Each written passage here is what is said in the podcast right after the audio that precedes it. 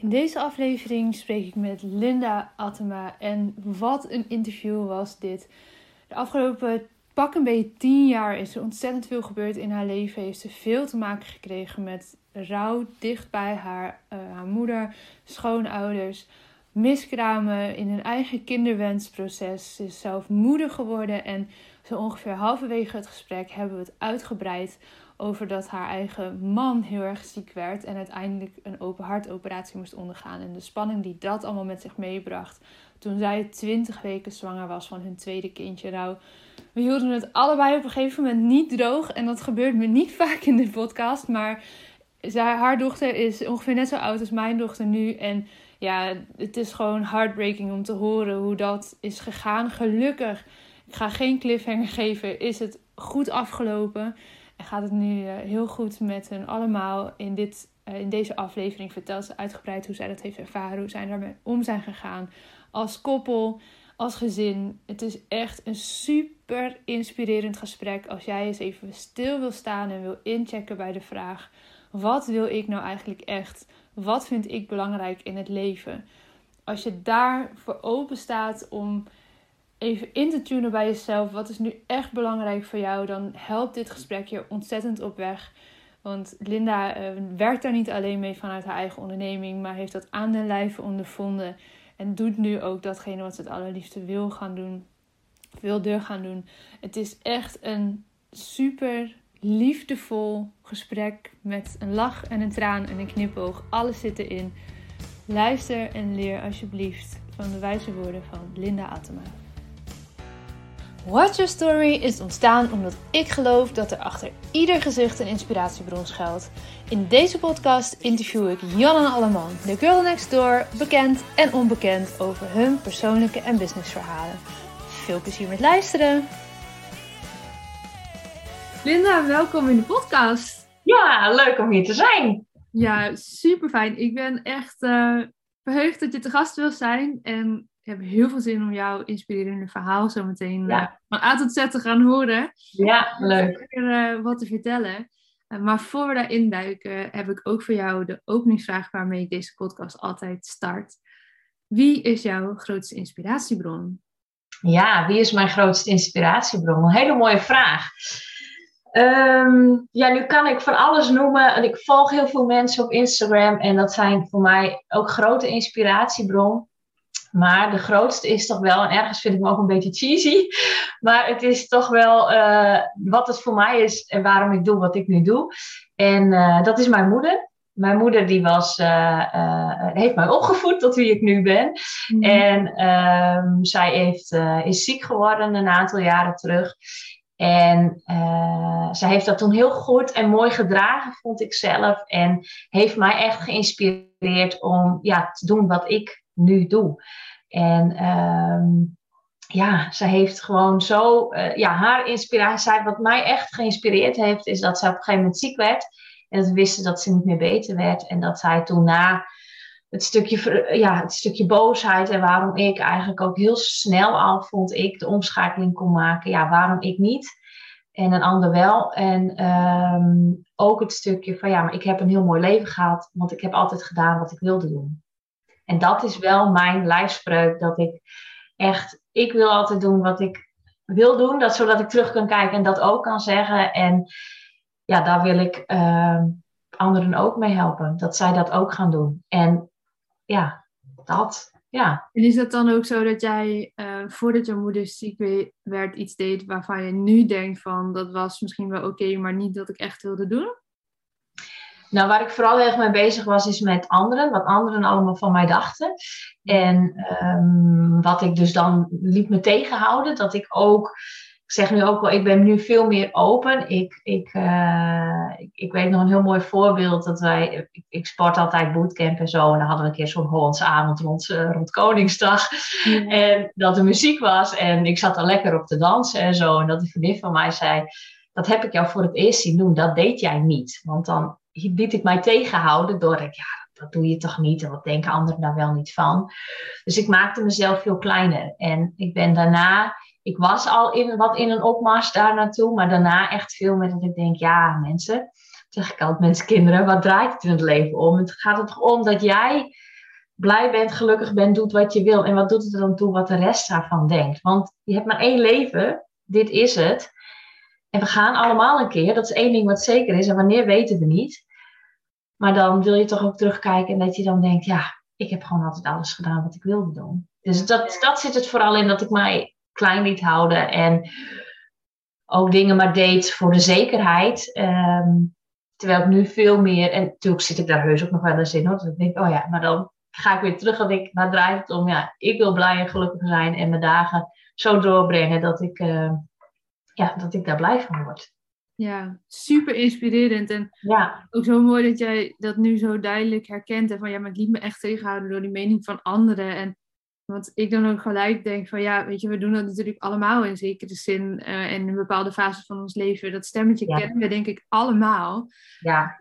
En het besef is ook heel mooi dat je dan dus heel druk bezig bent met de mening van anderen. Terwijl die zijn ook heel druk bezig met de mening van anderen over hun. En helemaal niet zo druk bezig met hun mening over jou of over nee, mij. Klopt. Nee, klopt. Dat nee. weten we dan. Maar dat, Ja. dat Ja. is ook vaak niet eens zo. Nee, nee, klopt. Nee. nee. Dus dat is echt wel mooi inderdaad. Dat we dat allemaal denken. Dat we heel erg bezig zijn met elkaar. Maar eigenlijk Ja. iedereen is heel druk met zichzelf bezig. Ja. En dat Ja. relativeert wel. Als je daar even van bewust bent van ja, oké, ik kan gewoon doen wat ik wil. Ja. Ehm, wat is het wat jij bent gaan doen of wat jij nu doet? Ik ben nu eh, coach. Ik coach vrouwen die naar eh rouw, verlies of een kinderwenstraject ehm, eigenlijk ook dus echt wat meegemaakt hebben, net zoals ik.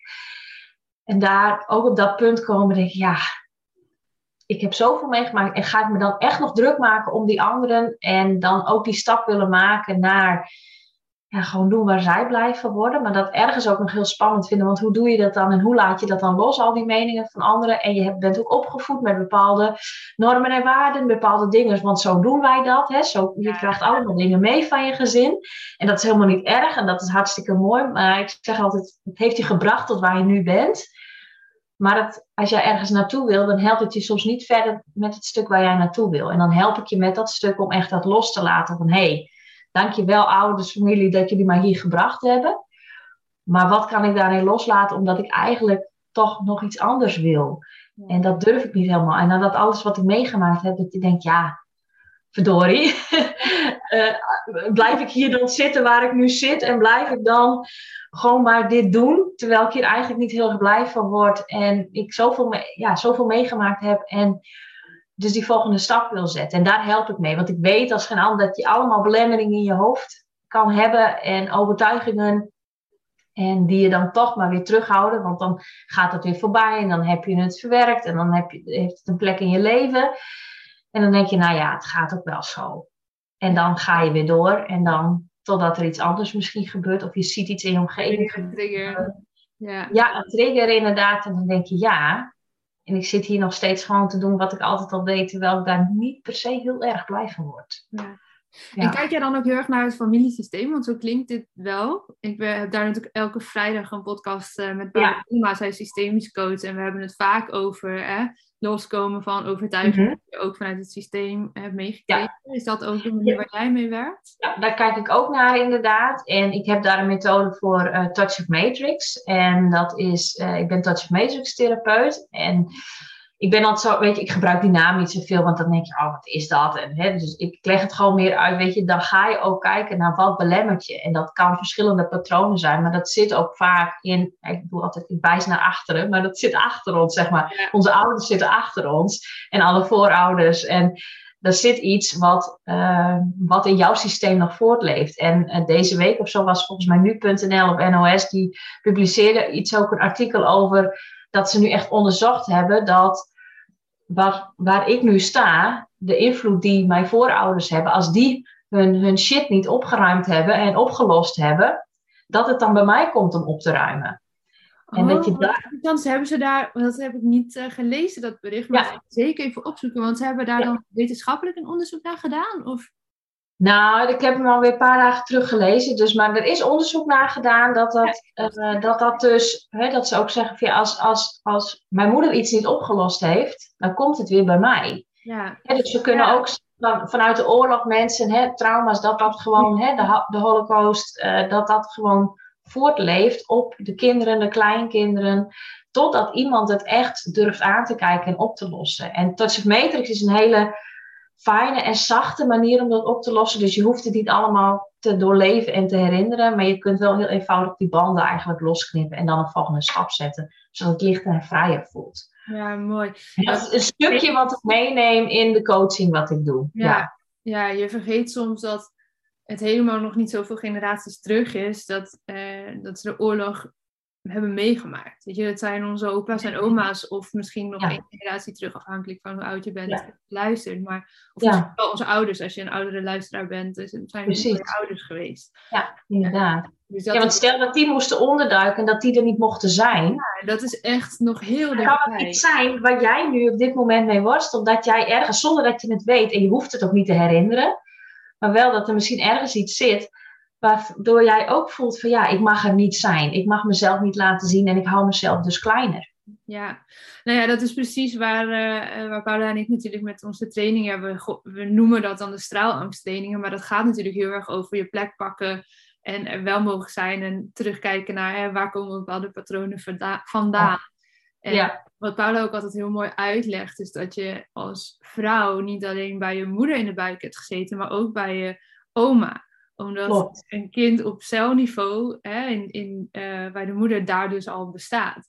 Ja, Dat, dat, tekent dus ook wat je doorgegeven krijgt al van uh, ja, misschien nog oma of zelfs moeder. Uh, ja. grootmoeder vanuit oorlogstijden. En het gaat natuurlijk niet alleen maar om oorlog. Hè. Het kunnen ook allerlei andere grote... van alles zijn, ja. Maar ook kleine dingetjes zijn. die gewoon van generatie op generatie worden doorgegeven bepaalde gewoontes, bepaalde dingen. Uh, dat, het altijd, dat het altijd keihard werken is, bijvoorbeeld. Uh, hè, dat soort dingen. Hard werken geld, dat is ook zo één. Ja, dat is ook uh, zo'n één. En ik ben dan niet dat ik dat dan helemaal uitdiep, maar omdat je Matrix staat er echt voor, weet je, je systeem herinnert het wel. Ja. In, het zit wel ergens in jou. Jij hoeft het jezelf niet heel bewust te herinneren, maar op onbewust niveau herinner je het wel en dan kun je het ook wel loslaten. Dus je hoeft het niet allemaal te weten, het is niet zo dat als je dit nu hoort, dat je denkt, oh, dus ik moet dat allemaal weten en ik moet dat uitzoeken. Nee, juist niet. juist niet, nee. nee. Weet je, als jij, een, als jij ergens zit met van, ja, maar ik wil echt gaan doen wat ik wil, maar wat houdt me dan tegen? En dan kom je bij mij, weet je, dan gaan we gewoon kijken, maar wat, wil, wat is dat dan wat je wil? Ja. En dan gaan we dat voor je zetten en gaan kijken, wat zit daar nog tussen? Ja. En dan gaan we kijken naar eh, het fysieke niveau, mentaal, eh, bewust, onbewust, um, uh, uh, spiritueel niveau, en dat soort niveaus gaan we dan kijken. En dan hoef je het niet te benoemen echt. Maar er zitten soms wel komende woorden opeens in je op of in mij op. Weet je, nou dan gaan we daarmee bezig. Dus dat is, ja, dat, ja. ja heel herkenbaar. Leuk hoe je daarover over vertelt. En fijn dat je daar ook mee bezig bent. Want joh, daar is nog zoveel werk te doen bij zoveel mensen. Dat uh, is mooi dat daar meer mensen op die manier mee bezig zijn. Ik zie het ook steeds vaker voorbij komen. En dat uh, doet me deugd. Want ik denk dat zoveel ja, struggles waar we in het nu mee, mee rondlopen, eigenlijk relatief eenvoudig getackled kunnen worden door even op dat onbewuste niveau te gaan kijken wat daar nou uh, onder ligt. Precies. En vaak kun je daar met je verstand, en we zijn heel erg vanuit ons hoofd tegenwoordig, kom je daar niet bij. En er is er niks zweverigs aan om eens te kijken wat er gebeurt op on, onbewust niveau om, uh, ja, zo'n struggle dan op te lossen in het heden. En dat... Ja, want er is ook maar een bepaald percentage, heel klein, ik weet het even niet zeker hoor, dus dat is, dat is nu heel slecht, maar 5% of zo dat we bewust weten en de rest is weinig. Dat is heel weinig. Dat is echt... Niet zelfs, echt heel weinig. Ik weet het ook ja. niet, maar uh, zou ik Paula moeten vragen, die weet dat soort dingen. Ja. nou ja, mooi dat je dat zo, zo mee werkt. Hey, um, je stipte het net al heel kort even aan. Uh, je werkt veel met mensen die te maken hebben met rouw, verlies en uh, kinderwenstrajecten. Ja. Waarom die doelgroep? Omdat daar zelf mijn ervaring ligt. Uh, ik heb de afgelopen jaren, ik heb even teruggekeken toen we deze podcast. Ik denk, nou laat ik eens even kijken. Want soms dan denk ik, oh ja, het is, er is zoveel gebeurd in mijn leven wat is er eigenlijk allemaal gebeurd en, en wanneer, wat, ja, hoe zit dat ook alweer? Want ik weet het allemaal wel. Maar ja. Wanneer gebeurde wat inderdaad? Want het loopt dan zo in elkaar over. Maar eigenlijk de afgelopen tien jaar um, ja, zijn bij ons wel echt pittige jaren geweest. Uh, als ik het vertel, dan vinden mensen het pittig zelf. Ja, zit je erin en loop je er doorheen. Maar um, tien jaar terug begon onze kinderwens. Dat was uh, januari 2012. Toen gooiden we heel symbolisch de pil in de prullenbak. Hè, zoals misschien wel meer dat herkennen. Dat, van, dan doe je dat. Nou, nu gaat het gebeuren. Hè, dus uh, toen ontstond onze kinderwens. Maar dat ging niet vanzelf, helaas. En of helaas, ja, nu zie ik het ook wel als een heel mooi proces wat het voor mij geweest is, waar ik dus nu sta. En um, dus ja, ik, ik had ergens altijd al een gevoel, en dat vind ik wel heel mooi, dat ik, uh, en ik denk dat iedereen dat wel heeft, maar je het niet altijd aan toe wil geven, dat ik direct vanaf het begin voelde, dit kan wel eens even duren. Hmm. Dus ik weet dat we toen we zijn, nou laten we die pil nu maar weg, want het duurt waarschijnlijk nog wel even. Dus uh, dan hebben we gewoon, hey, weet je, dan gaan we gewoon en dan zien we wel. Ja. Uh, nou, dat zien we wel. Dat duurde twee jaar. En uh, toen um, werd ik zwanger. Maar dat resulteerde helaas in een miskraam. En toen, negen maanden later, heel symbolisch, werd ik weer zwanger. Dat resulteerde, resulteerde ook in een miskraam. En ehm, toen was ik op Brazilië, waar op vakantie. Ehm, maar ik had het al een keer meegemaakt, dus dat scheelde dat ik niet volledig in paniek was. Maar Um, dus dat was, ja, dat was heel verdrietig. En daarna heeft het eigenlijk best nog wel wat jaren geduurd. En dat wij echt via een traject uh, uiteindelijk zwanger zijn geworden. Uh, middels IVF. Eerst IUI en toen IVF. Mm. En uh, hebben wij inmiddels wel, heel dankbaar, hebben wij in 2019 onze zoon gekregen. En oktober vorig jaar onze dochter. Dus onze zoon is nu drie. Onze dochter is nu ruim 7,5 maand. En, maar in die tussentijd gebeurde er nog veel meer. Dus dat heeft ook te maken waarom dat wat langer duurde. Want ons hoofd werd nog meer uh, in beslag genomen door andere dingen. Want uh, kort na ons 2012 ons kinderwens startte, werd in 2000, dat jaar ook, werd mijn schoonmoeder ziek. En die kreeg een hartziekte en die uh, heeft heel lang in het ziekenhuis gelegen, hier in de buurt in Sneek. En uiteindelijk heeft ze een half jaar in Utrecht gelegen. Uh, dat heeft ze helaas niet mogen overleven. En in, in juni uh, 2013 is zij overleden. Dus dat is nu inmiddels alweer negen jaar terug. En dat was heel heftig. Dat was voor mij ook het eerste overlijden wat ik van heel dichtbij meemaakte. Maar ergens was het ook niet van mij, want het was van mijn vriend, van mijn man. Nu, toen mijn vriend, nu mijn man. Ja. dus het was ergens ook niet van mij. Maar dat was zo intens. Die reizen ook naar Utrecht, drie keer in een week naar Utrecht. En daar een onzekerheid. En tot het laatst toe hoop, want ze had een hartafwijking, niet wetend wat het is.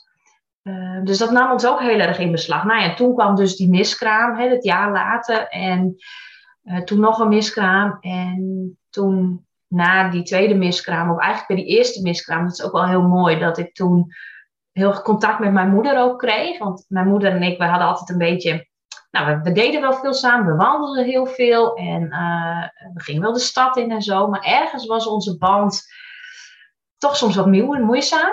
Mm En na die eerste miskraam, zeg ik altijd, heb ik haar toegelaten in mijn leven. En daar ben ik heel dankbaar voor, want anderhalf jaar later kwam zij te overlijden.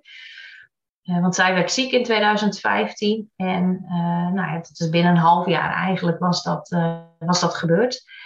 En zij kreeg kanker.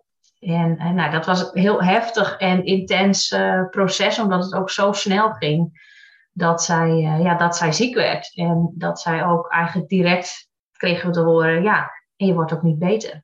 En dat ook voelde ik al, dat merk ik ook wel, ik, ik voel soms echt al dingen vooraf. En, nu steeds bewuster dat ik dat ook denk van, oh ja, dat, dat, dat voel ik. Maar toen ook, ik weet nog heel goed dat ik, uh, ik woon in Makkum. En ik uh, woon op, uh, wij wonen aan het water, aan het IJsselmeer. En we hebben zo'n zeedijk en daar wandel ik heel veel over. Als je me volgt, dan zie je heel vaak in mijn stories dat voorbij komt. Dat is echt mijn plek, daar wandel ik over. En ik weet nog dat ik daarover wandel met een andere vriendin van mij. En die voelt ook heel veel. En dat ik toen ook, uh, ik vraag haar soms wel eens dingen, ook met onze kinderwens vroeg ik haar altijd heel denk, oh wat denk je, wat is je gevoel? Omdat zij het ook heel vaak bij het rechte eind had. En ik weet nog dat wij daar liepen. En dat ik toen voelde, ik moet haar niet vragen hoe zij denkt dat dit afloopt, want ik weet zelf wel dat dit niet goed gaat aflopen. dat, zij niet, dat ze dit niet gaat overleven, mijn moeder. Nou, en toen een week later, toen kwam daar ook die diagnose inderdaad van ja, er is niks meer aan te doen. Dus, um, dus ja, toen hebben wij heel mooi gelukkig voor haar kunnen zorgen. Heeft ze gewoon thuis kunnen blijven, hebben we voor haar kunnen zorgen. Uh, maar ja, dat is ook begrijpelijk natuurlijk dat onze kinderwens, die was toen even helemaal uh, naar de achtergrond. Dat snap ik, want jullie verloren eigenlijk in een hele korte tijd dus allebei je moeder. Ja, Wat deed klopt. dat voor jullie als stel? ja, dat was, dat was heel heftig. Ja, want je, je verliest je moeder. En mijn man heeft, had, heeft, had ook, ik zeg soms heeft nog, maar uh, een hele goede band ook met mijn ouders. Ja. En uh, hem, zijn moeder is 2013, mijn moeder is in 2015 overleden. En uh, dus ja, die, mijn moeder was er ook echt voor hem wel. En ja, toen werd mijn moeder opeens ook ziek. Ja. Dus toen, ja, dat, dat was, ja, en toen toen gebeurde dat. En toen kwam zij opeens te overlijden. Dus dat was, ja, dat was heel heftig voor ons, ja. Ja, ja. die anderhalf jaar, want je had het erover ongeveer anderhalf jaar tussen uh, dat jij die miskraam kreeg en dat zij kwam te overlijden, dat jullie ja. eigenlijk nog heel erg naar elkaar uh, toe zijn gegroeid. Ja. Wat gebeurde daar ineens? Wat zei je? Wat gebeurde daar ineens? Waardoor jij zei, jij kon haar ineens toelaten in mijn leven. Ja, ik, ja, ik liet haar dus ineens toe. Want ik, ik weet nog dat uh, ik, ik toen de miskraam kreeg en uh, ik naar het ziekenhuis ging en dat ik tegen mijn man zei, nou bel mijn moeder maar. En, uh, want ik wil dat ze erbij is. En dat ze eigenlijk gaat zeggen, ja, maar dit is iets van jullie. En dat hij ook zei, nee, Linda wil heel graag dat je komt. Dus ik, ja, ik heb haar toegelaten. Ergens gebeurde er iets in mij dat ik haar toegelaten heb. Ik weet later, heeft een vriendin van mij ook gezegd, van, toen ik die miskraam kreeg, dat ze zei van, ik kon twee kanten met je opgaan op dat moment. Of je werd zachter, of je ging heel hard voor jezelf worden. En ze zei, ik zat echt een beetje wachten van, welke kant gaat het met jou op? Mm. En gelukkig ben ik zachter geworden, want daarvoor was ik best wel streng voor mezelf en ook hard voor mezelf. En dat kan ik met vlagen nog wel zijn, weet je. Het zit toch ergens in je systeem. Dus dat is work on progress. Maar ik werd hard voor mezelf, maar ook voor de omgeving. Ik kon vrij onbereikbaar zijn. Uh, een, een, soort een muur echt wel optrekken. Mhm. En ja, ik denk dat die toen naar beneden is gehaald door die miskraam. Want daardoor uh, uh, heb ik, wisten mensen ook, want ik was al, we hadden het al verteld aan iedereen.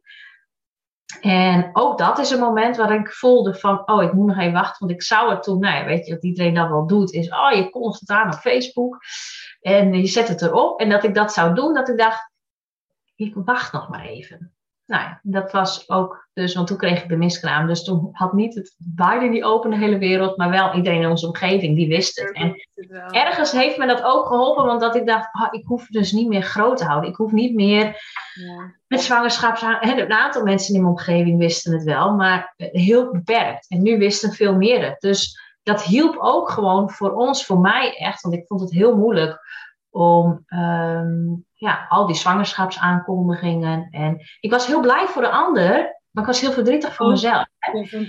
Ja. Ja, want het is, dat, dat zeg ik ook wel eens. En dat heeft niet altijd iedereen begrepen. Want ik heb er ook heel, ja, het is ook wel op momenten heel moeilijk geweest. Met mensen in mijn omgeving. Dat ze voelden van ja, je bent niet blij voor ons.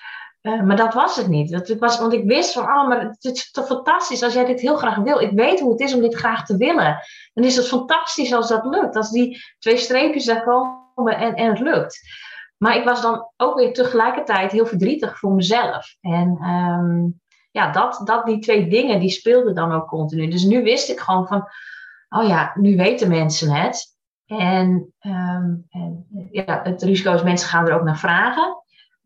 Maar dat, dat, ik kon ook wel altijd heel goed aangeven van ik wil het er gewoon nu even niet over hebben. Ik kom wel bijvoorbeeld. Hè? Dus uh, ja. Ja, heel knap van je. Ja. ja. En eh, weet je, zeker in uh, onze leeftijd, je wordt natuurlijk doodgegooid met uh, zwangerschapsaankondigingen. Dus ja, je komt daar ook echt niet onderuit. Ja, of je moet gewoon niet, helemaal niet op social media gaan.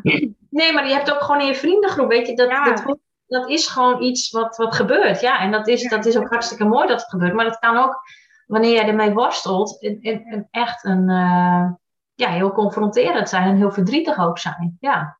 ja. Maar goed, als we nog een stukje verder gaan over dat rouw en verlies, want toen ja. uh, over mijn, uh, mijn moeder. En toen zat ik volledig in de rouw. En toen, 1 januari, vonden we mijn schoonvader.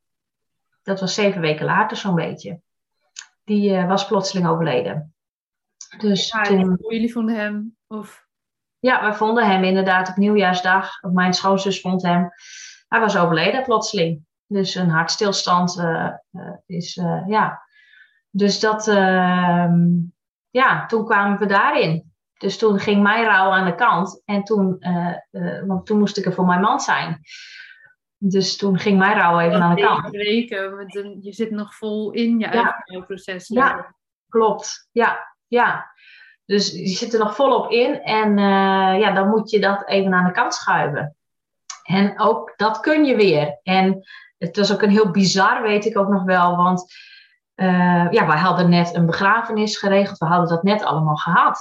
Dus ja, wij wisten wel hoe dat werkte. Ja, ja, ja. Dus ik ging ook in zo'n rol. Ik, weet wel hoe dat, ik weet wel hoe dat werkt. En, en ook nog, ik weet ook nog bij de, uh, bij de begrafenis. En dan, hè, dan, dan uh, voor mij is het heel logisch, maar dan ga je uh, condoleren en dan sta je in een rij. En wij zijn beide de jongste van ons gezin. Ik heb nog twee oudere zussen. Mijn man heeft nog drie oudere zussen. Dus wij staan dan, en dan sta je op leeftijd en dan wij staan dan als laatste. Nou, in de eerste keer stond ik als laatste. Eh, dat was met zijn moeder. En toen met mijn moeder eh, draaiden we om, stond mijn man als laatste. En nu stonden we ook, nou gaan we weer omdraaien. Dus het, stond, het was voor ons ook zoiets van, ja, nou ja, het is, dit is wel bijna een soort normaal begrafenissen dat je daar staat. Bizar. Heel bizar. Dat, zo, ja. ja. kijk, iedereen verliest op een gegeven moment zijn ouders, maar dat dat in zo'n tempo en ook relatief jong natuurlijk, in zo'n bizarre opvolging van elkaar gebeurt. Klopt, ja. En het is ook, wij wisten echt dat mijn schoonzussen, die, ik ben zelf 34, mijn schoonzussen zijn gemiddeld 20 jaar ouder dan mij. Um, dus dan zou ik zeggen, oh ja, die hebben wel ervaring. En zo, ja, maar jij weet hoe dit werkt en wat moet er nu gebeuren en, en, en dit en dat en zo en zus. En dan ik zei, oh, maar dat weet de bode wel. En, weet je, dat soort dingen. Dat was heel bizar. En, maar dan, ik ging ook hup uit mijn rouw, direct op dat moment. Ik zat er even in en, en op dat moment dacht ik, ja, ik moet hier nu weer uit. Dus dan Nee, uh, verstand. Ja, klopt. Ja, maar ik weet ook nog dat ik dan nog wel weer ruimte aan kunnen geven, want ik kan me voorstellen dat dat ook wel echt belangrijk is. Zeker, ja. Nou ja, weet je, dat gaat dan. Ik, ik kon er toen, ik kan er nu heel hard om lachen. Um, want uh, nou ja, dat was het begin januari, 1 januari dat we hem vonden. Dus het was speelde in januari. En nou, toen was het februari, maart. En uh, ik weet ergens in maart was het volgens mij dat ik, ik was weer aan het werk. En ik, ik voelde heel wattig in mijn hoofd. Ik kon niet helder nadenken en heel erg wattig. En ik dacht, ja, dat klopt niet. Dat is niet goed.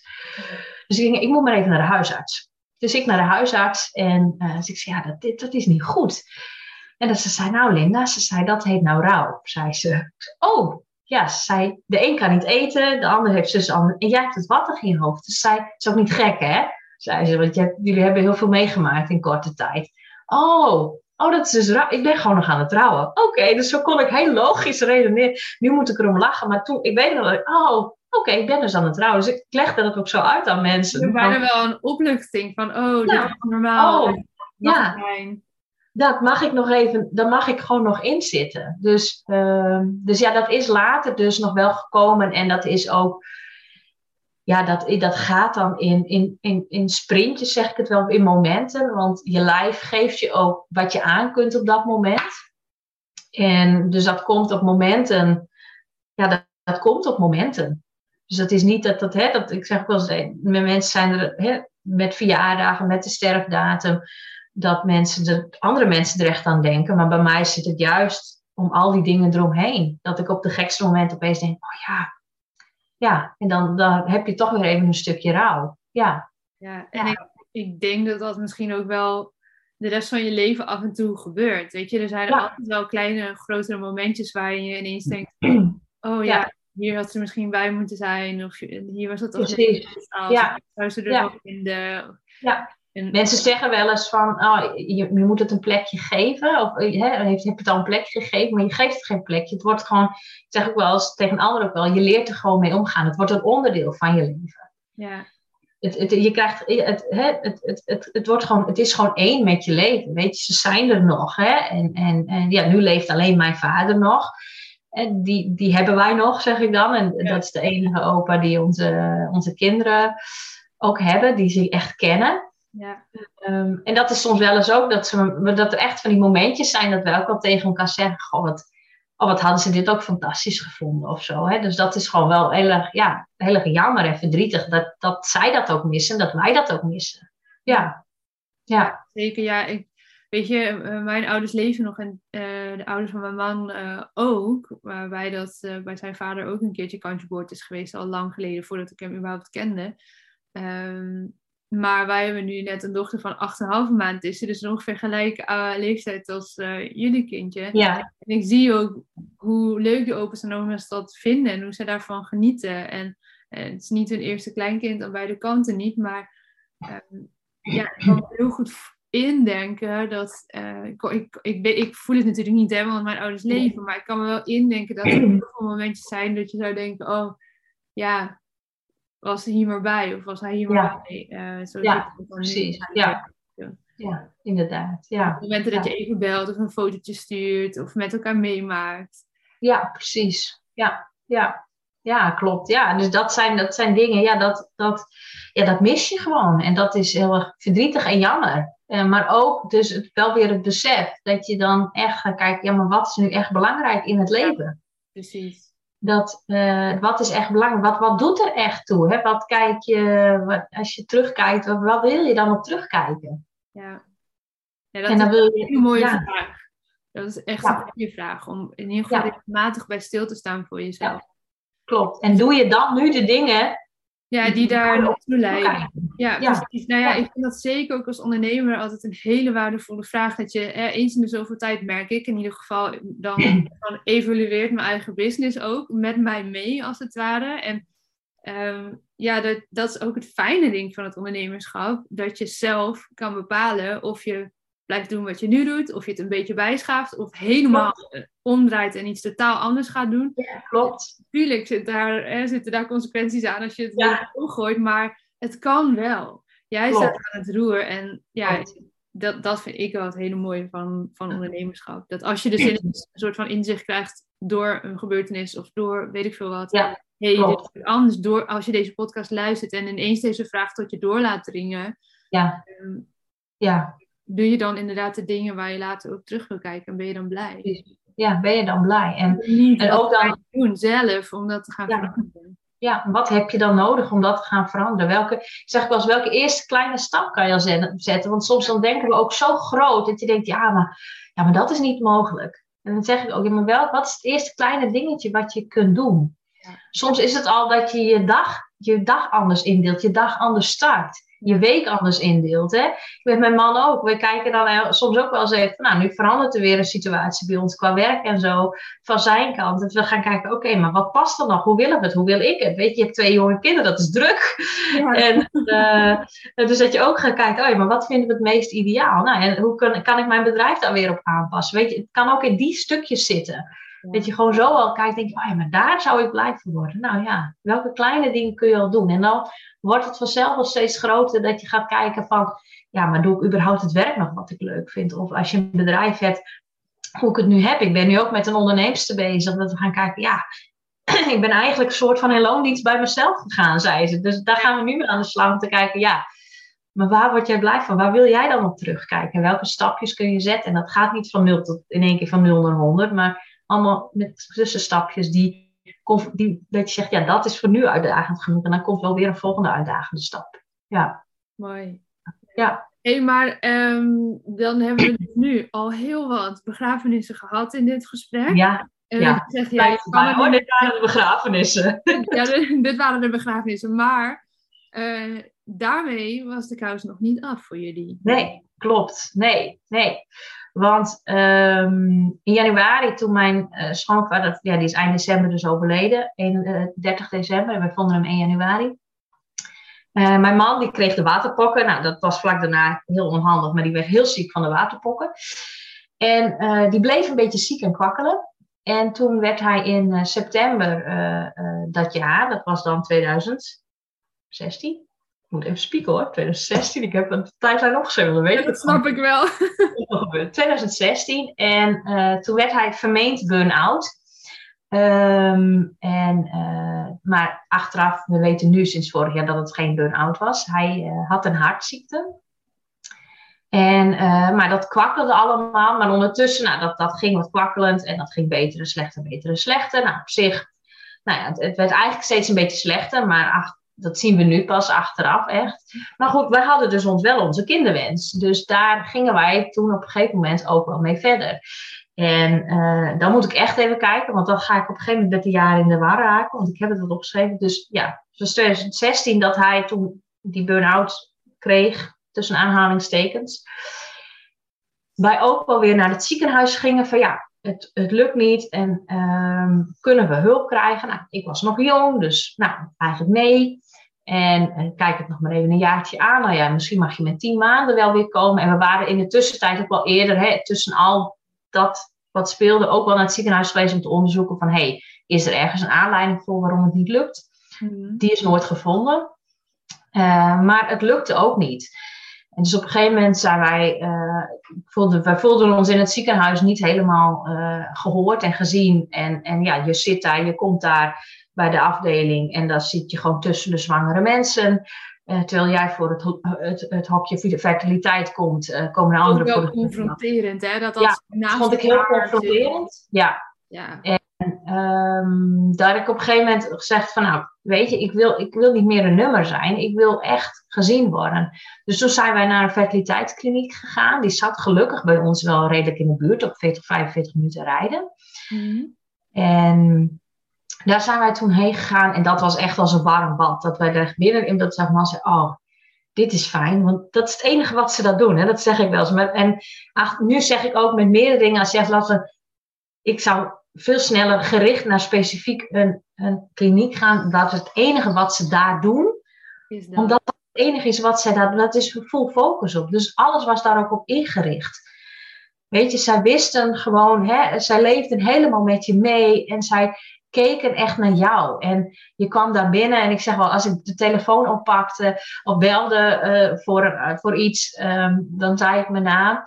En dan wist ze direct wie ik was. Ik zei, tuurlijk, ik, zei, ik weet ook dat ze dan even gauw mijn naam in typt, de foto erbij pakt en dan even gauw de dingen. Maar dat, weet je, dat, dat merk je bijna niet. Dus ze wisten net niet van, oh, wat is je geboortedatum, wat is dit of dat, dat. Nee, ik noemde mijn naam en ze hadden mijn gegevens erbij. Dus, dus ik voelde echt als een warm bad daar. En um, uh, daar hebben we uiteindelijk uh, zes IUI-pogingen gedaan die niet uh, gelukt waren. En uiteindelijk via IVF um, zijn wij nou, in verwachting geraakt van, van onze zoon. Dus dat, was, dat ging uiteindelijk nog wel vrij vlot. IUI was zes keer, toen wel een pauze gehad. Ik vertel het nu heel makkelijk, maar het was heel pittig. Want ik had ook hormonen moest ik gebruiken. Nou, daar werd ik echt niet een leuke mens van. Nee, wat deed dat met jou? Nou, ik werd er heel onzeker van. Ik, uh, ik, ik, voor mijn gevoel nou, kon ik niet meer functioneren. Want destijds uh, was ik uh, in loondienst als HRM-adviseur, Human Resource Management. Dus ik was adviseur bij een uh, overheidsorganisatie. En um, nou, ik, ik vond eigenlijk dat ik het allemaal niet meer kon. Ik denk, ja, ik heb wel HBO, maar nee, dat, dat kan ik echt niet meer. Ik werd er heel erg onzeker van.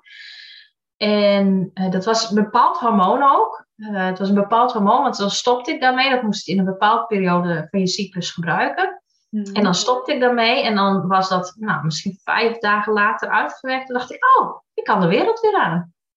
Ja, bizar. Alsof die gewone cyclus die we allemaal kennen, ja, dat deze ja, echt wordt, wordt uitvergroot. Klopt. Ja. dat heeft hij later ook uitgelegd. Uh, want ik heb toen ook gezegd van, uh, na die zes uur, en toen hebben we ook, uh, dan evalueer je ook. En toen zei ik, ja, dat ik zei, dat kan niet meer. Want ik zei, ik kan er niet, ik zei, ik kan mijn baan niet eens fatsoenlijk meer uitvoeren. Dus hij zei ook, ja, het wordt uitvergroot, want er is een bepaald hormoon, ik weet niet meer welke, maar het is een bepaald hormoon wat uitvergroot wordt, die inderdaad, die je zelf ook wel in je natuurlijke cyclus hebt. En je dan eigenlijk ook wel, want ik verdiep er wel meer in, dat je eigenlijk ook wel een beetje aan toe moet geven dat je een beetje in je kokonnetje kruipt. Maar dit was zo uitvergroot. Ja, dat ik, en dat ik echt, ik, ik, ik deed mijn baan hoor, want ik deed het echt op karakter. En dan, uh, dan, dan reed ik naar huis. En dan zat ik te huilen in de auto en dan kwam ik thuis en dan was ik helemaal niks meer. En dat mijn man echt al hoorde, dat, oh ja, dit is, dit, we zitten hier nu weer even in. En dan ging ik weer aan het werk en dan laad ik me weer op. En dan moest ik me zo opladen om niet overal in huilen uit te barsten, maar echt gewoon te denken: ik kan dit, ik kan dit, ik kan dit. Ja. En om het mijn werk fatsoenlijk te kunnen doen. Dus dat was echt, ja, dat heb ik als heel pittig ervaren. Ja, die hormonen vooral. En uh, nou uiteindelijk zijn we dus met IVF gestart. Dus nou ja, dan zit je ook aan de hormonen. En ik heb wel geprobeerd om de meest natuurlijke eruit te zoeken. Want ja, ik deed ook echt wel mijn onderzoek. En uh, dat ik ook uiteindelijk in de natuurlijke cyclus, dat ik zei, daar wil ik mijn terugplaatsing in. Hè? Want het werkt zo, als je het niet kent, hè, dan, dan dan, dan ga je, krijg je hormonen om zoveel mogelijk eitjes te laten groeien. Of zoveel mogelijk, maar een, een, goede hoeveelheid. En die halen ze dan weg door middel van een punctie. Uh, dus dat, dat, nou, dat is ook geen pretje. Ik beval liever dan dat ik zo'n punctie kreeg. Maar dat is ook weer heel verschillend. Want een voelt daar niks van, maar ik vond het echt de hel. En um, ja, dan, dan kun je dat dus ook weer in een hormoongestuurde cyclus doen. Dus dan heb je een kunstmatige cyclus, want dan kunnen zij dat precies timen. Heel handig voor het ziekenhuis, want ja, ze hebben meerdere daar lopen. Dus in ziekenhuizen dan heb je vaak niet eens een optie. Maar mhm. omdat ik in een kliniek liep, uh, zei ik ook, ja, dat wil ik niet. Want ik wil mijn natuurlijke cyclus weer. En daar, en die is op de klok. Daar is niks mis mee. En, uh, en daar ben ik ook in verwachting van geraakt. Ja. Dus toen het in een natuurlijke cyclus gebeurde. Ja. Dus dat gebeurde, want zo begonnen we dit verhaal, terwijl uh, jouw man in allerlei onderzoeken zat en ze niet wisten waar, wat er met... Ja, dat was toen wel weer even op een laag pitje, maar dat, dat, dat sluimerde inderdaad. Dat sluimerde ook. We zijn, hè, hij heeft toen in onderzoeken gezeten, in Sneek, we zijn zelfs in Maastricht geweest. Um, uh, omdat hij ook, hè, uiteindelijk, zijn moeder is overleden aan een hartkwaal. Dus uiteindelijk heeft, heeft hij aangeswengeld om, want ze hebben dat toen wel gezegd, van nou, ze hebben dat toen onderzoek gedaan nadat zij is overleden. En uh, toen hebben ze ook gezegd, wij hebben het materiaal. Uh, zijn zus en, en, en mijn man en zijn zussen die zeiden van nou, wij, wij hoeven het pas nu nog niet om daar iets mee uit te doen. Maar ze zeiden nou, wij hebben het materiaal, dus als jullie het willen, trek dan aan de bel. Want dan nou, en dat heeft hij toen aangeswengeld. En daar is toen uitgekomen dat hij een genetische afwijking heeft aan zijn hart. En uiteindelijk heeft hij dat aangeswengeld voor de rest van de familie. Dus er zijn uiteindelijk nog een aantal uitgekomen, ook uit zijn tantes. Die kinderen, zijn tantes hebben dat uiteindelijk ook gedaan. En daar weer een aantal kinderen van ook. Dus er zijn een aantal die dat hebben. Uh, maar goed, dat was niet wat hij had, want hij bleek iets heel anders te hebben. Ook aan zijn hart.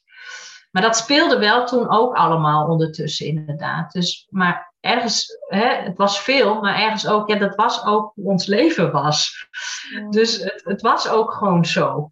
En, um, en, maar hij was wel ziek, want hij, nu ook, hij zegt ook wel, want hè, de kraamweek, nu met onze dochter, hij zei, heb ik heel anders beleefd dan toen met onze zoon. Hij zei, dat was heel pittig.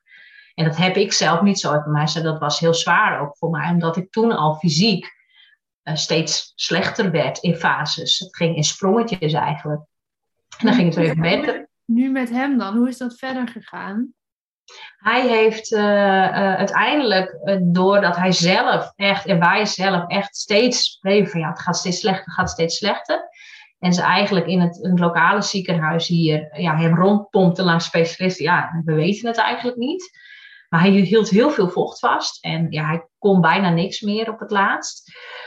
Uiteindelijk is hij naar de huisarts gegaan en heeft hij gezegd: ja, die komt niet goed. Niemand doet iets, maar ik ben er straks niet meer. Dat voelde hij echt zo.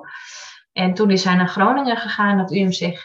En daar hebben ze eigenlijk heel snel, dus dat was begin 2021, hebben ze heel snel de diagnose gesteld dat hij uh, uh, een chronische ontsteking aan zijn hartzakje had. En uh, dat betekent dat zijn hart eigenlijk als het ware in een harnas zat. En dat het gewoon kon, niet kon pompen. Dus het was wel logisch dat hij zich zo voelde. Want ja, ga je maar na. Als wij bewegen, als wij praten al, dat verhoogt onze hartslag al. Als ik opsta, als ik de trap oploop, als ik fiets, als ik dat, dan verhoogt onze hartslag al. Dus moet ons hart al iets meer pompen. En dat kon bij hem niet. Dus hij werd ook, als hij iets. Was. Ja. ja. Dus hij is uh, uiteindelijk, uh, uh, terwijl ik nou, 20 weken zwanger was vorig jaar, is hij mij geopereerd aan open hartoperatie niet zonder risico. Dat was ook uh, ja, daarvoor echt wel heel spannend. Want ja, dit was, het is een heel zeldzame aandoening die hij had. We hebben toen gevraagd en, en in Groningen komt dit ongeveer, uh, opereren ze hier. Uh, ze doen daar duizend open hartoperaties zo gemiddeld in een jaar. En dit komt drie keer voor. Dus drie op de duizend dat zij dit doen. Dus zei ook, ja, we weten niet, hè, hè, er zijn maar een aantal ja, chirurgen die dit ook kunnen opereren om dat, dat te verhelpen. Maar ze wisten ons, konden ze ook niet vertellen van ja, hoe gaat het erna uit? Misschien wordt het wel weer veel slechter. Dat, wist, dat konden ze ons niet vertellen, omdat dit te weinig voorkomt, zeg maar. Dat je zegt, nou, we hebben er... Hè, uh, dat is die ja. echt betrouwbaar zijn. Nee, precies. Hè, met omleidingen, nou, dat, dat komt heel vaak voor. Nou, dan is het herstel is zo en zo en zo, weet je. Dan, dan hebben ze op een gegeven moment wel gemiddelde van, nou, dan doorgaans loopt het herstel op die manier. Maar ze zeiden ja, we weten het niet. We kunnen dat niet zeggen. En het was heel spannend. ja. ja. ik wou net zeggen, hoe was dat? Nee, voor hem lijkt me het spannend, maar voor jou, twintig weken zwanger, ga je maar aanstaan. Dat je man ja. elkaar gebracht wordt en je weet niet hoe die eruit komt, maar heel eerlijk, waarschijnlijk heb je ook wel eens dat stemmetje gevoeld van ik weet niet of die eruit komt. Ik voel dat, dat gesprek hebben wij ook gevoerd inderdaad. Denk, ja, want dat is wel heftig, toch? Ja, ja, ja, ja, klopt. Ja, dat gesprek hebben wij ook gevoerd. En dat was de vrijdags dat hij, uh, de vrijdags ervoor, zeg maar, dat ze belden. Hè, want het was toen ook in, midden in coronatijd.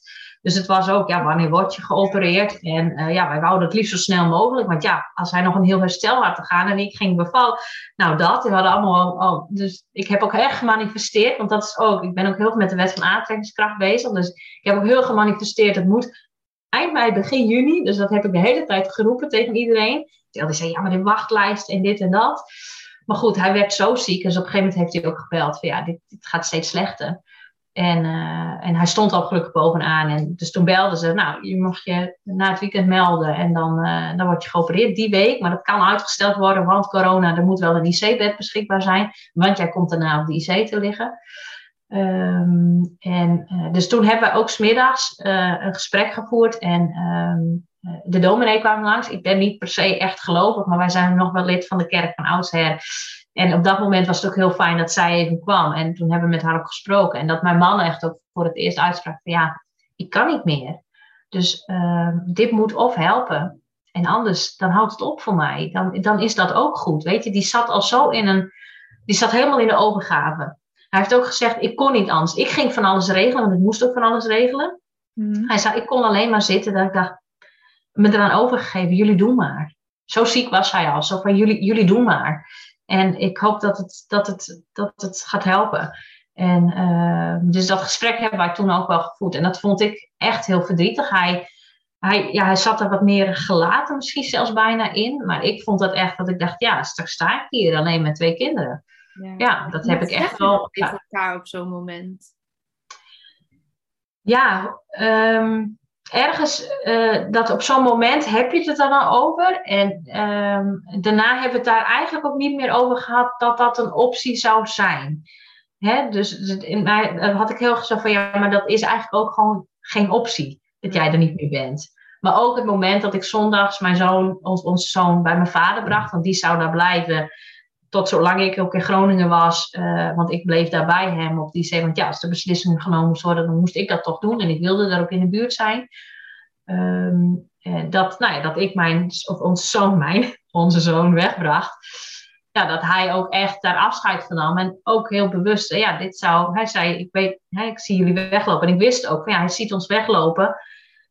Het zou zomaar de laatste keer zijn kunnen zijn. Het hart breekt al bijna. Ik kan hier, ik ja. ja. dat jij dit vertelt. Met een klein kind thuis. Dat ding, ja. Dat, ja. ja. Ik, word er gewoon emotioneel van. Het is gewoon niet te doen. Nee, nee, dat is ook niet te doen. Nee, nee. Ja, dat is ook dat heel veel mensen zich ook, dat zeg ik ook wel, heel veel mensen hebben zich dat ook niet beseft. Dat dat, dat, dat, dat, dat gewoon kon gebeuren. Omdat het zo zeldzaam was. En ja, dat, dat, dat kon gebeuren.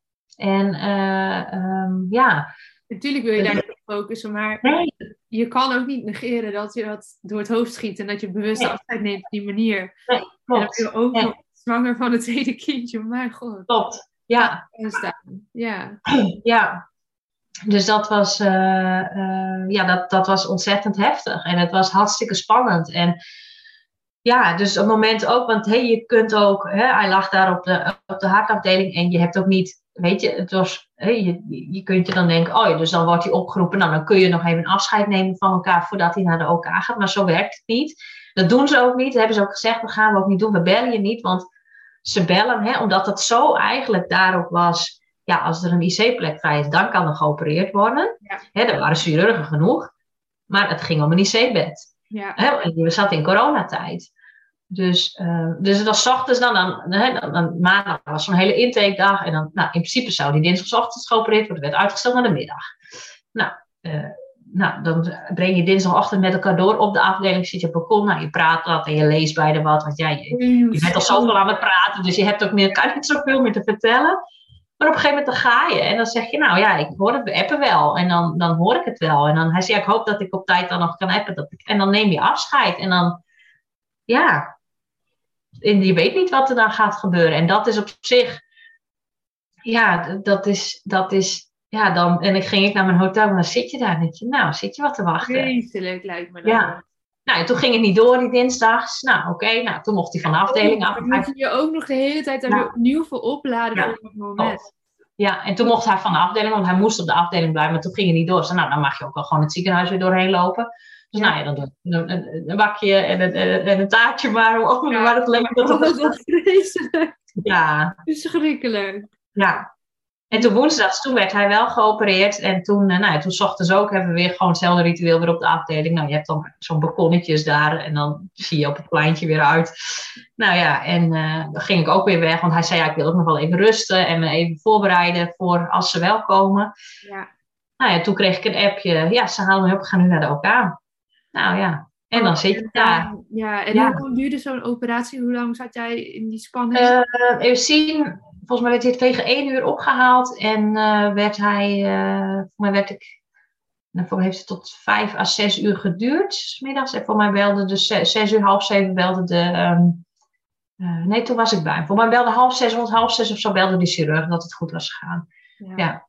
En toen, Mhm. hoe was dat voor jou? Dat telefoontje, dat lijkt me echt Ja, alles. ja, ja, inderdaad. Dat je denkt, oh gelukkig, hij leeft nog. Ja. Dus, eh, ja, dat je echt eh, denkt, oh, gelukkig. En zijn zussen, twee van zijn zussen waren bij mij. En dat ik zo, oh, oh nou, en die is echt, oh, gelukkig. Dus ik, we haalden allemaal pff, adem. En, en toen heb ik ook naar iedereen, want ik wist dat heel veel, nou, al zijn vrienden, hè, heel veel zaten in spanning. Spanning, Dus heb ja. ik echt één appje uitgedaan. Het is goed gegaan. En hè, later komt er meer, maar één appje, het is goed gegaan. Ja. Dus dat was echt, eh, ja. En Ja. wanneer kreeg jij in de gaten, ik denk dan die uren, die dagen daarna, kan ik me zo voorstellen van, hé, hey, dit, dit gaat de goede kant op. Ik kan ontspannen. Eigenlijk ehm, de vrijdags. Want hij, nou, hij lag op de IC en hij was nog echt wel in slaap. En de donderdagochtend, nou, ik, ik kon natuurlijk niet slapen. Ik was helemaal van de adrenaline. En ook nog wel zorgen, want ja, zijn hart moest nog wel oppakken. Want die kreeg opeens veel meer ruimte. Dus het was nog niet, ja, hoe pakt zijn hart het allemaal op? En hoe pakt zijn lijf dit op? En toen donderdagochtend, toen kwam ik daar en toen zeiden ze, nou ja, we waren wat aan het afbouwen, maar ja, dat lukt toch nog niet helemaal. Dus, eh, want zijn hart pakt nog niet helemaal goed op. En toen dacht ik wel, oh god, wat, eh, hoe, hoe komt dit? Toen was ik wel echt, die donderdag was voor mij een hele zware dag.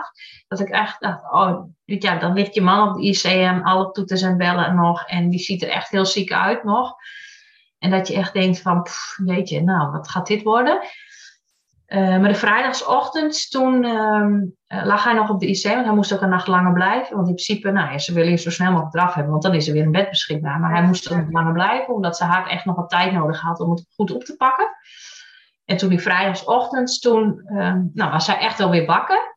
Ehm, ja, als je hem nu vraagt, hij herinnert zich daar niks van, maar toen was hij echt wel wakker.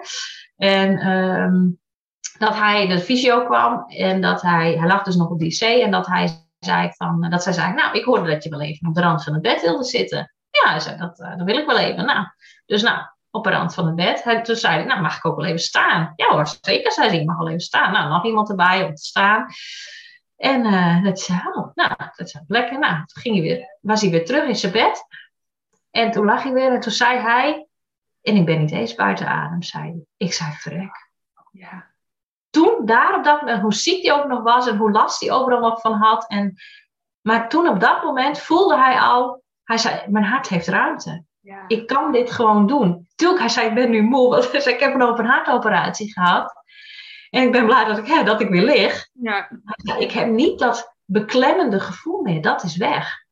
Stel En dat toen- wel een moment dat je dan realiseert Dat ik vertrouwen had, inderdaad. En toen ben ik de vrijdags wel naar huis gegaan. Omdat, ja, we hebben ook ons zoontje en die wilde ik heel graag zien. En ik wilde echt daar even uit. En, ja, en toen ben ik de maandags er weer toegegaan. En toen kwam ik lopend naar me toe. ja. Toen was hij weer op de afdeling en toen kwam ik weer lopend naar me toe. En we hebben er ook een foto van gemaakt. Zo van, nou, je zag het in zijn ogen, je zag in zijn ogen weer. En ik word er emotioneel, maar je zag in zijn ogen gewoon weer levenslust. Ja. Ja, dat was echt dat ik dacht, oh ja, dit komt goed. Hij, hij had weer levenslust. En daar heb ik ook een foto van gemaakt en een foto voor de tijd. En de foto voor de tijd zie je echt een dof gevoel, dof in zijn ogen. En toen, je zag ze, oh, hij had nog overal last van wat er allemaal hoort bij een open hartoperatie. Hij is ook naar een revalidatie gegaan en echt nog herstel nodig, maar hij had, hij had weer de levenslust. En dat was echt, uh, ja, dat, dat, was, dat was fantastisch. Dus uh, dat was echt dat moment dat we dachten, oh, en nu, uh, ja, nu, nu is het onze tijd, zeg maar. Dus dat, ja, ja. En dat is ook het moment toen eigenlijk, hij, hij heeft nog intern gerevalideerd. Uh, dat hebben we puur ook gedaan om de snelheid in te krijgen, omdat ik natuurlijk hoogzwaar. Ja, ja, ik was ja, precies. Ik kwam en hij moest er weer snel weer zijn. Hij moest er op tijd ook weer zijn. En we hadden een zoon, dus hij alsjeblieft intern revalideren, want ons zoontje die, wil, die snapte niks van, die wil dat je optilt, maar dat kan helemaal niet. En je hebt nog overal last van. En je moet nog conditie weer krijgen, weet je hij liep weer naar mij toe. Maar ja, hij rustte ook nog heel veel natuurlijk. Dus dat is Maar hij kon gewoon weer lopen. Dat zei hij ook, ik kan weer de gang overlopen. Dat kon ik niet. Maar dan besef je denk ik ook pas hoe ver heen die dus voor die operatie eigenlijk was. Want dat sluit er natuurlijk in zo die jaren lang. En dan ineens zie je het verschil. Ja, ineens zie je het verschil. Hij is 20 kilo vocht kwijtgeraakt. Ineens zie je dat verschil. Wow. 20. ja, 20. Nou, dat vind ik ook al veel. Ja. zegt, 40. 20, ja.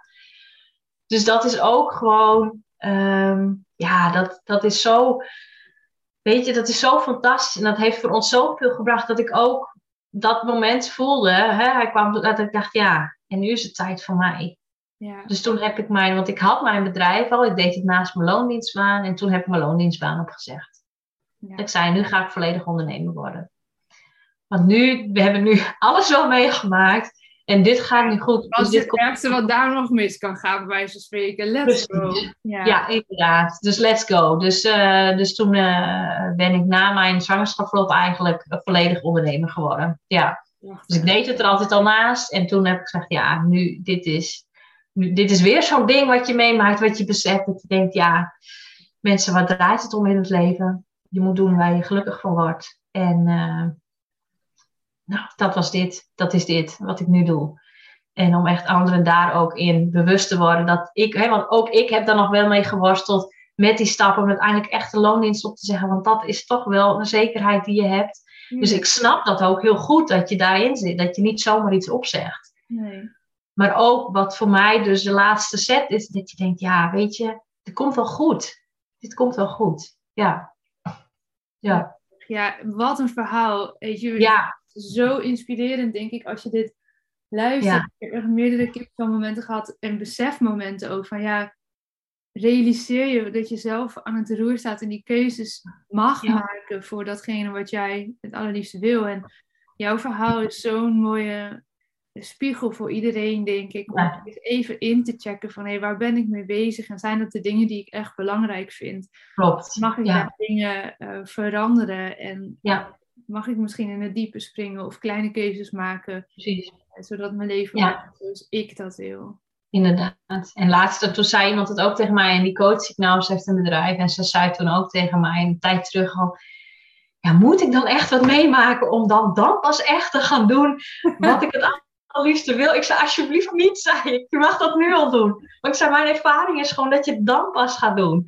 Ja, ik zie dat ook bij veel van de mensen met wie ik werk, hoor. Dat die een bedrijf zijn gestart vanuit een bepaalde ervaring. Uh, um, ja. Groot of klein, maar wel een bepaalde aanleiding. En ja, ja dat, bij mijn eigen bedrijf is dat natuurlijk niet anders. En dat is heel mooi. Maar ik heb ook wel eens mensen gesproken die zeggen, maar ik heb niet echt zo'n dramatisch verhaal. Wat is dan mijn verhaal? En er is altijd een mooi verhaal. En ik zeg, ja, we gaan het ook niet dramatischer maken dan het is. Hè? Ik ga niet zoeken naar een of ander uh, huilverhaal als het er niet is.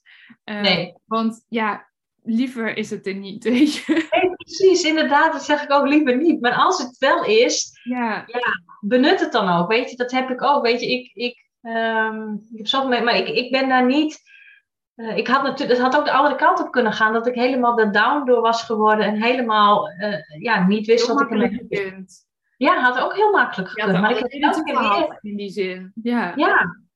Ik heb toch elke keer weer. En die momenten heb ik ook zeker gehad, weet je. Ik, ben, ik heb echt momenten gehad dat ik het allemaal niet meer wist. En dat ik heel verdrietig was. En dat elke zwangerschapaankondiging echt een mental breakdown werd bij mij. En dat, dat, dat was ook niet goed. Dat was het andere uiterste. Maar uiteindelijk ook wel gewoon gezien van ja, maar wat wil ik? Wat wil ik en wat wil ik? En hoe kan ik het beste voor mezelf zorgen? Hoe kan ik het beste mijzelf voeden? En uh, ja, dus... Uh, Mooi. Ik denk dat uh, dat een mooie vraag is om mee, mee af te sluiten, jongens. Als je nu helemaal tot het einde hebt geluisterd, wat wil jij? En ga daar. Ja, precies. Ja. Dank je ja. wel. Alsjeblieft. Dankjewel voor het luisteren naar deze aflevering van de Lotte Gerland podcast. Ik vind het super leuk om te weten wie er luistert en vind het dan ook te gek als je dit met me deelt. Bijvoorbeeld via je Instagram stories. Tag me vooral at watchyourstory-nl zodat ik jouw bericht ook weer kan delen. Samen bereiken we zo nog veel meer mensen en kunnen we dus ook met alle verhalen nog meer impact maken. Heb je nou zelf een inspirerend verhaal dat je eigenlijk graag zou willen inzetten voor de marketing en communicatie van jouw bedrijf, maar kom je er niet helemaal lekker uit? Ga dan naar watchyourstory.nl en plan een gratis 30 minuten marketing strategie sessie. Dan gaan we dus samen naar kijken en ik kijk er enorm naar uit om je daarover te spreken.